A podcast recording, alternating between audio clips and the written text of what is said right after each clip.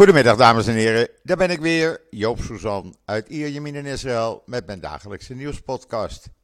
Eerst maar even het weer. Nou, het is een stuk beter dan gisteren. Eh, overwegend blauwe lucht, een graad of 20, 21. Zacht briesje, prima te doen. Hoeft geen jas aan, dus wat willen we nog meer? Eh, en dat gaat alleen maar beter worden. Voorlopig even geen regen meer. En dan eh, kreeg ik een mooi artikel opgestuurd, of ik dat wilde plaatsen, van het Israëlisch Nationaal Verkeersbureau in Amsterdam. En dat hebben we natuurlijk gedaan. Ontdek de beroemde zouteilanden van de Dode Zee. Want die zijn er, hè? Eh, het zijn allemaal eilandjes eigenlijk, eh, grote eilandjes, kleine eilandjes met plakken zout. En dat is hartstikke mooi om te zien.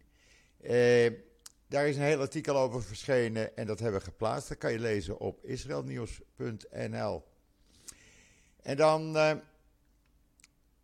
de IDF, die heeft de afgelopen nacht weer 16 terreurverdachten opgepakt.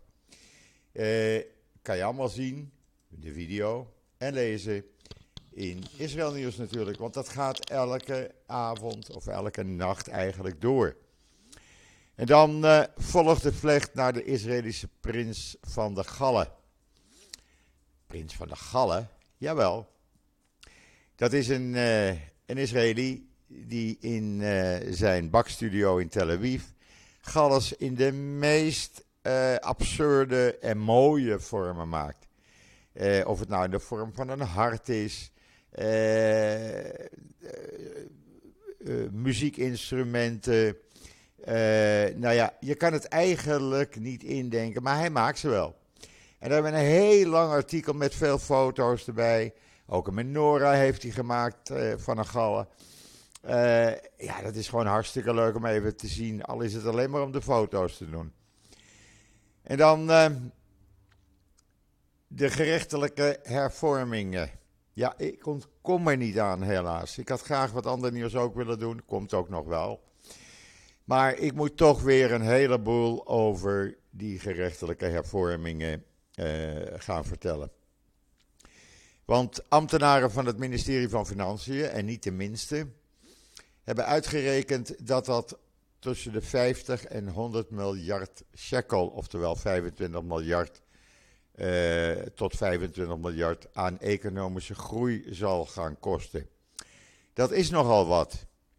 En als dat nog niet voldoende is om het te stoppen, ook uh, de eigenaren van de grootste winkelketens en winkelbedrijven hier in Israël, verenigd in het Israël Business Forum, die zeiden in een oproep aan uh, Netanyahu vanmorgen: wij eisen een volledige stopzetting van de onderhandelingen over de gerechtelijke hervormingen. Waarom?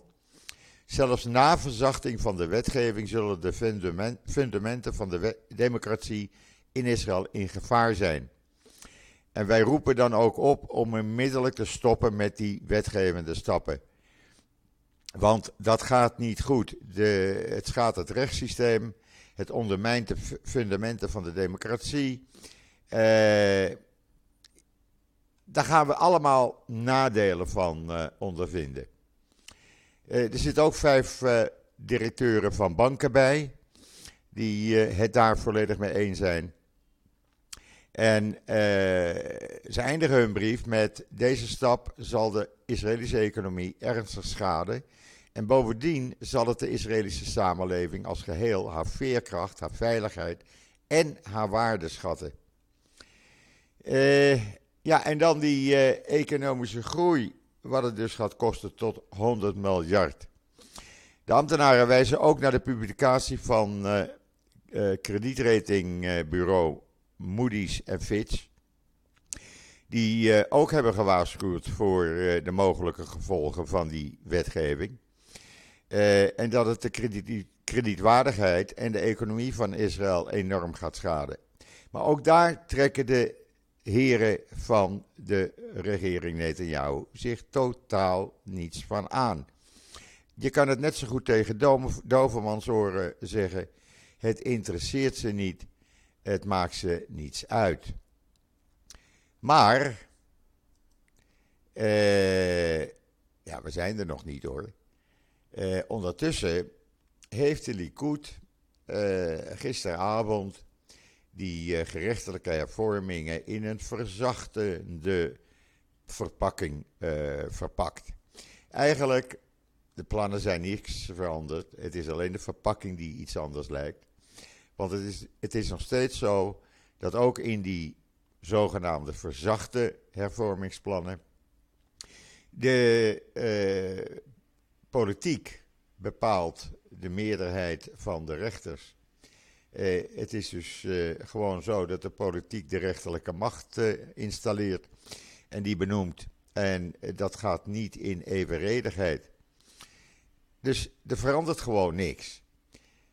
ondertussen is het wel zo dat er dus vijf Likud-leden inmiddels hun bezwaren tegen die hervormingen hebben geuit. En gezegd hebben: uh, we moeten stoppen, we moeten gaan onderhandelen, want we kunnen zo niet verder. Maar daar blijft het dan bij. Dan heeft meneer Rotman, de voorzitter van die uh, commissie, die uh, die wetten dus er doorheen wil jassen in de komende twee weken. Want zo weinig hebben we nog maar. Hè? Twee weken, dan moet het allemaal gedaan zijn.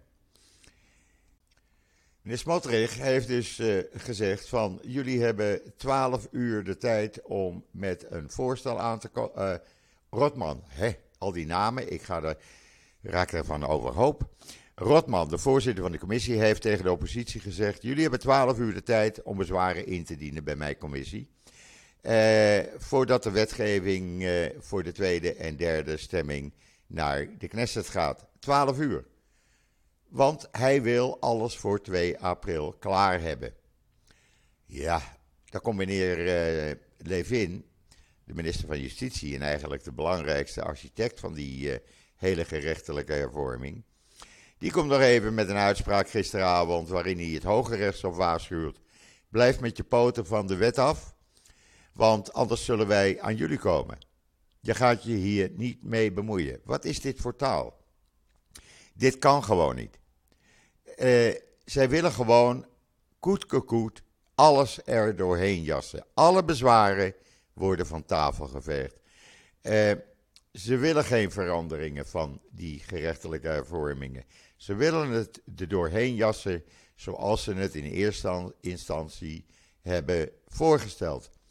En al die verpakkingen, al die zogenaamde verzachtingen, niemand die het meer gelooft. Het haalt niets uit. Het slaat nergens op. Want er gebeurt gewoon niets. Het blijft zoals het is. Uh, ja, wat moet je dan nog? Dan krijg je meneer Benny Gans, dan krijg je Lapid, dan krijg je Lieberman. En Benny Gans die zegt, wat wordt aangeboden is geen eenzijdige compromis. Het is een eenzijdige terugtrekking uit de democratie en de waarde van Israël. De waarde waar Israël voor staat. Lieberman, die zei het uh, nog duidelijker.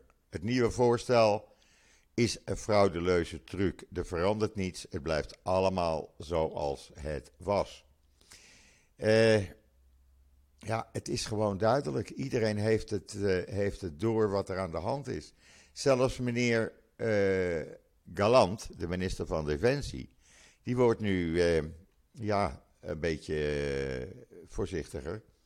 Want die heeft uh, gezegd: luister, de hele IDF ligt overhoop. Reservisten willen niet meer opkomen. Uh, terwijl de IDF draait op die reservisten. Dat is de kracht van het Israëlische leger. jullie moeten stoppen met die gerechtelijke hervormingen. Het kan best een paar maanden even stoppen. Er is geen haast mee. Doen jullie dat niet?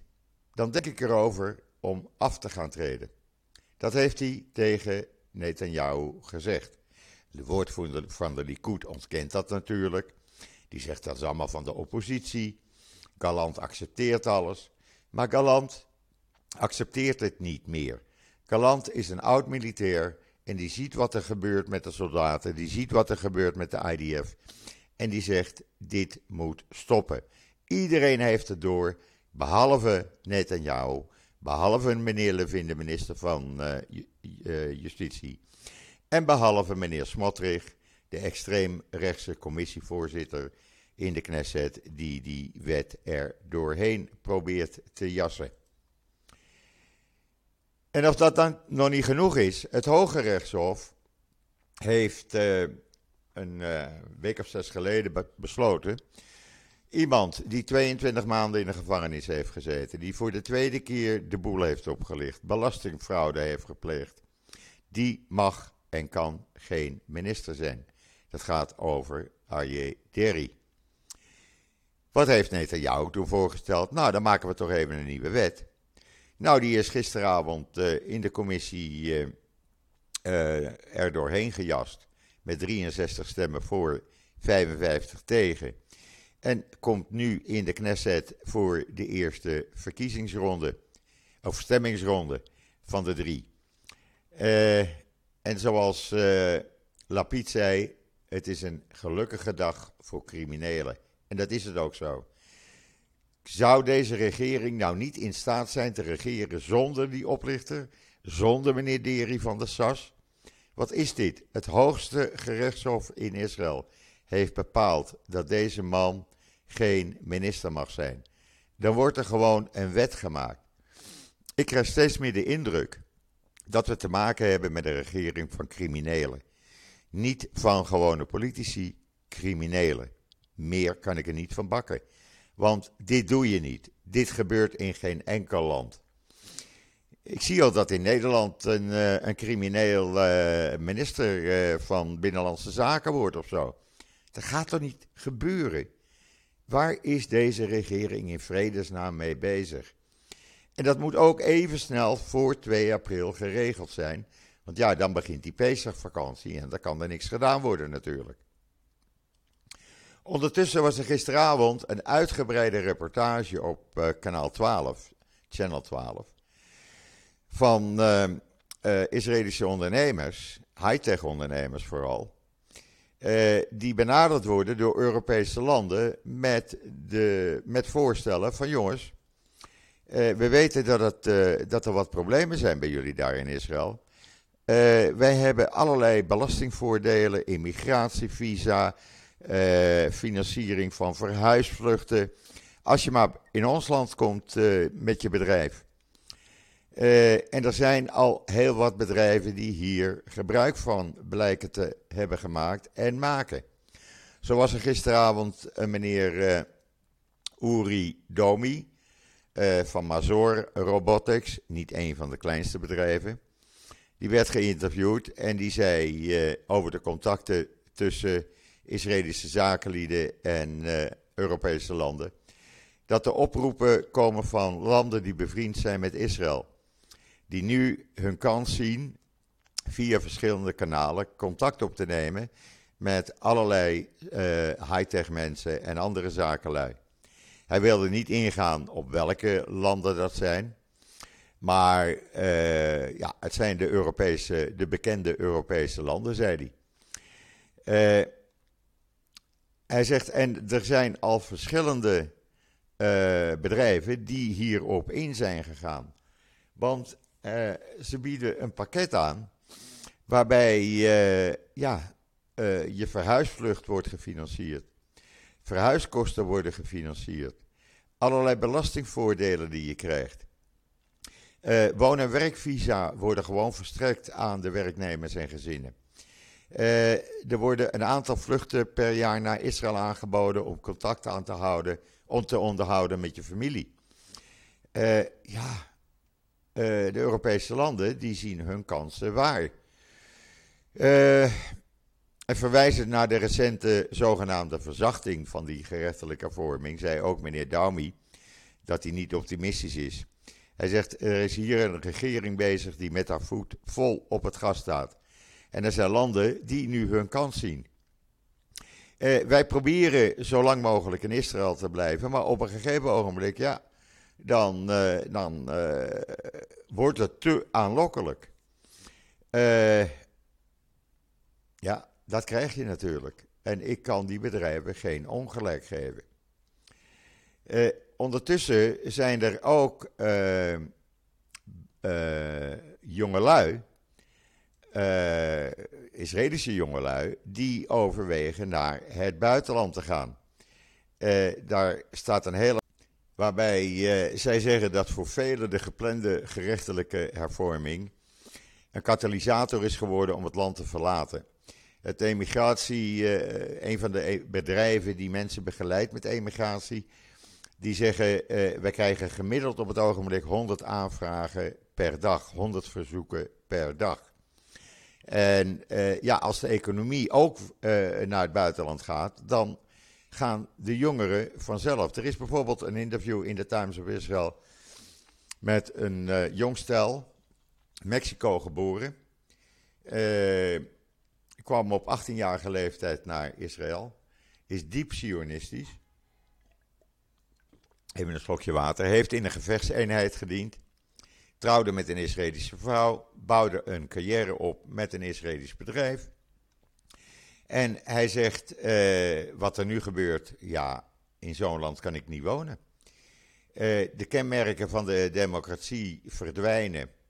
Uh, wij zijn naar, omdat ik Spanje spreek, zijn we naar Barcelona gegaan om te kijken.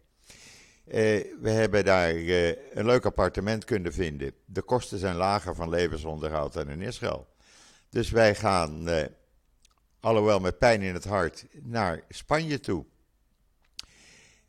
en zo zijn er meerdere. Als je dat artikel leest, dat is gewoon triest.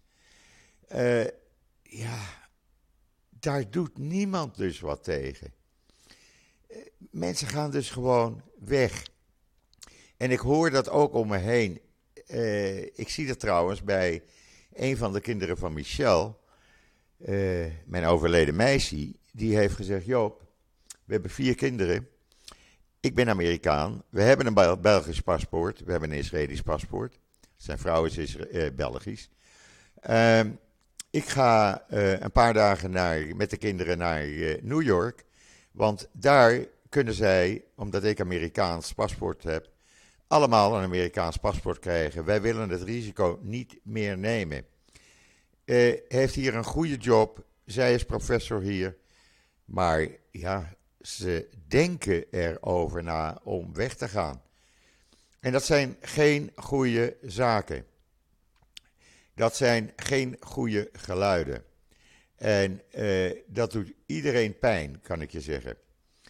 Uh, en ja, als daar dus gewoon niet op gereageerd wordt, wat je dan krijgt is dat de demonstraties nog groter zullen worden. Maar ook, en daar ben ik erg bang voor, dat het geweld gaat toenemen. We zullen dat donderdag gauw genoeg merken. Dan is er weer een dag van uh, demonstreren. Wordt alles platgelegd. Uh, trouwens, gisteravond is er overleg geweest tussen de heer Stadroet en uh, de minister van Justitie. Want die wou de heer Stadroet voor zijn karretje spannen. Maar de heer Stadroet heeft gezegd: wij kunnen niet leven met die gerechtelijke hervormingen. Dus wij stemmen er niet mee in. Dat betekent dat er echt georganiseerde stakingen gaan komen van de vakbonden. Dat kunnen we dus ook nog verwachten.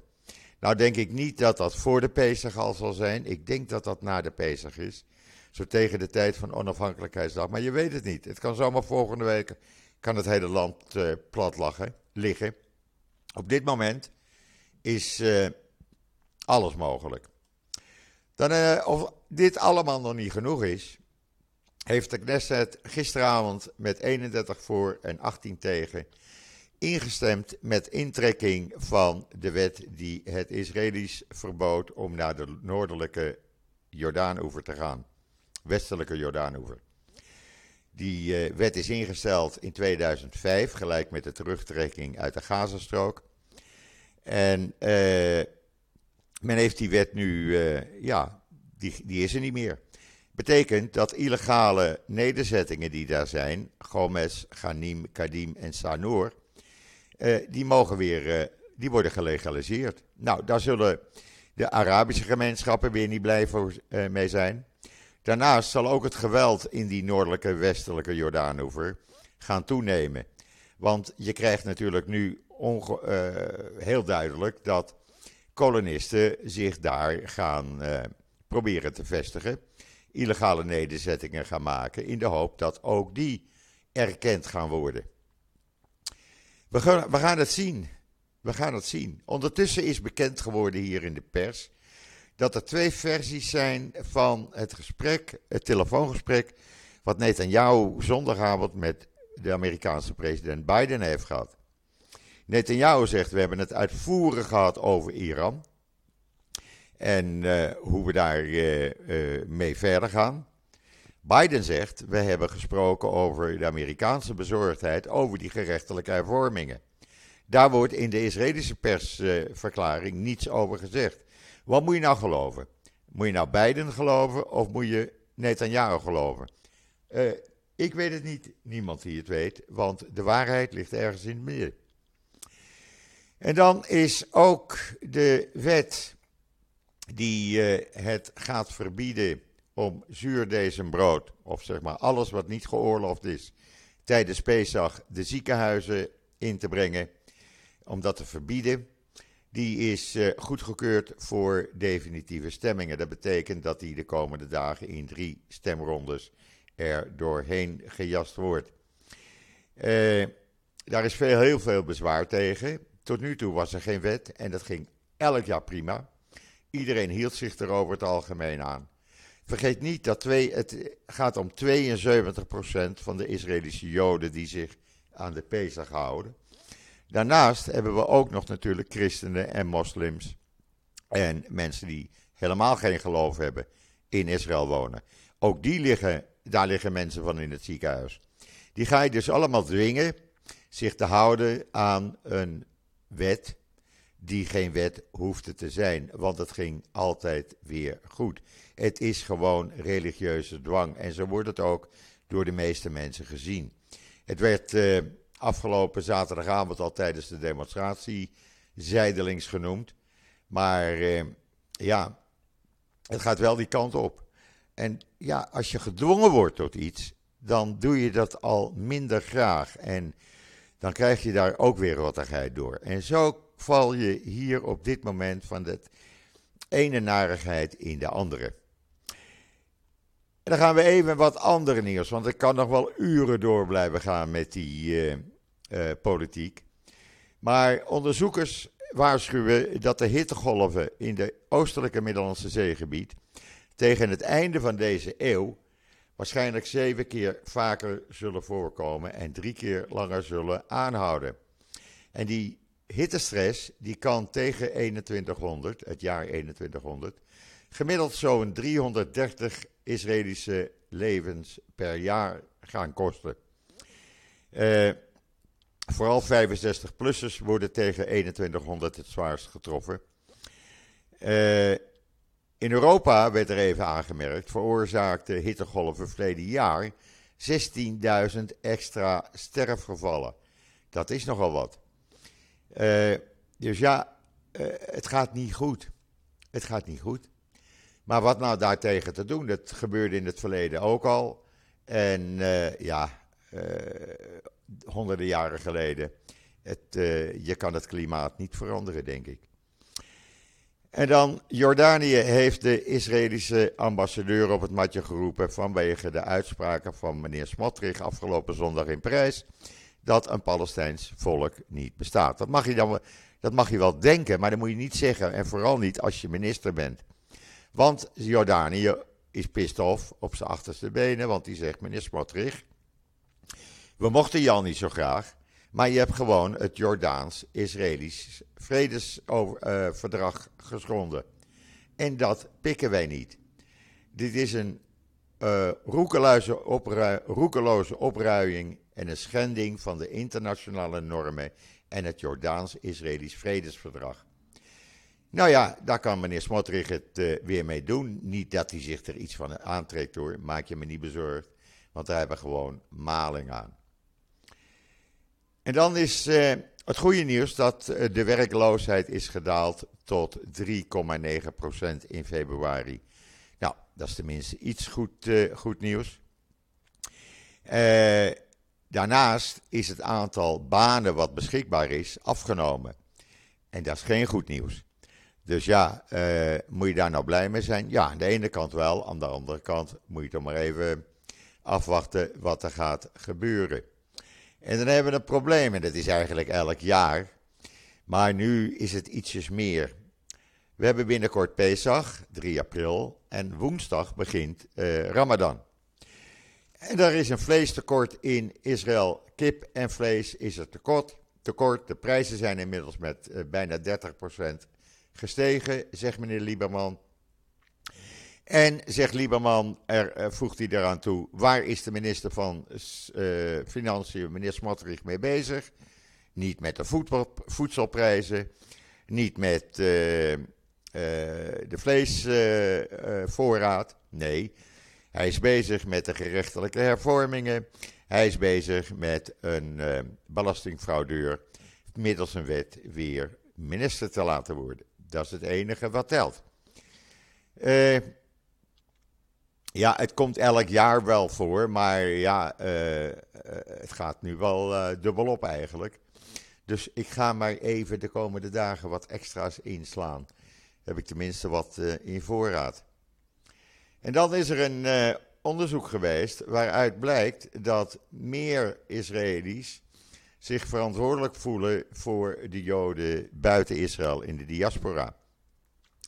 Het blijkt dat 70% van de sorry, 70% van de Israëli's het gevoel uh, heeft dat ze een gemeenschappelijk lot delen met de Joden in de diaspora.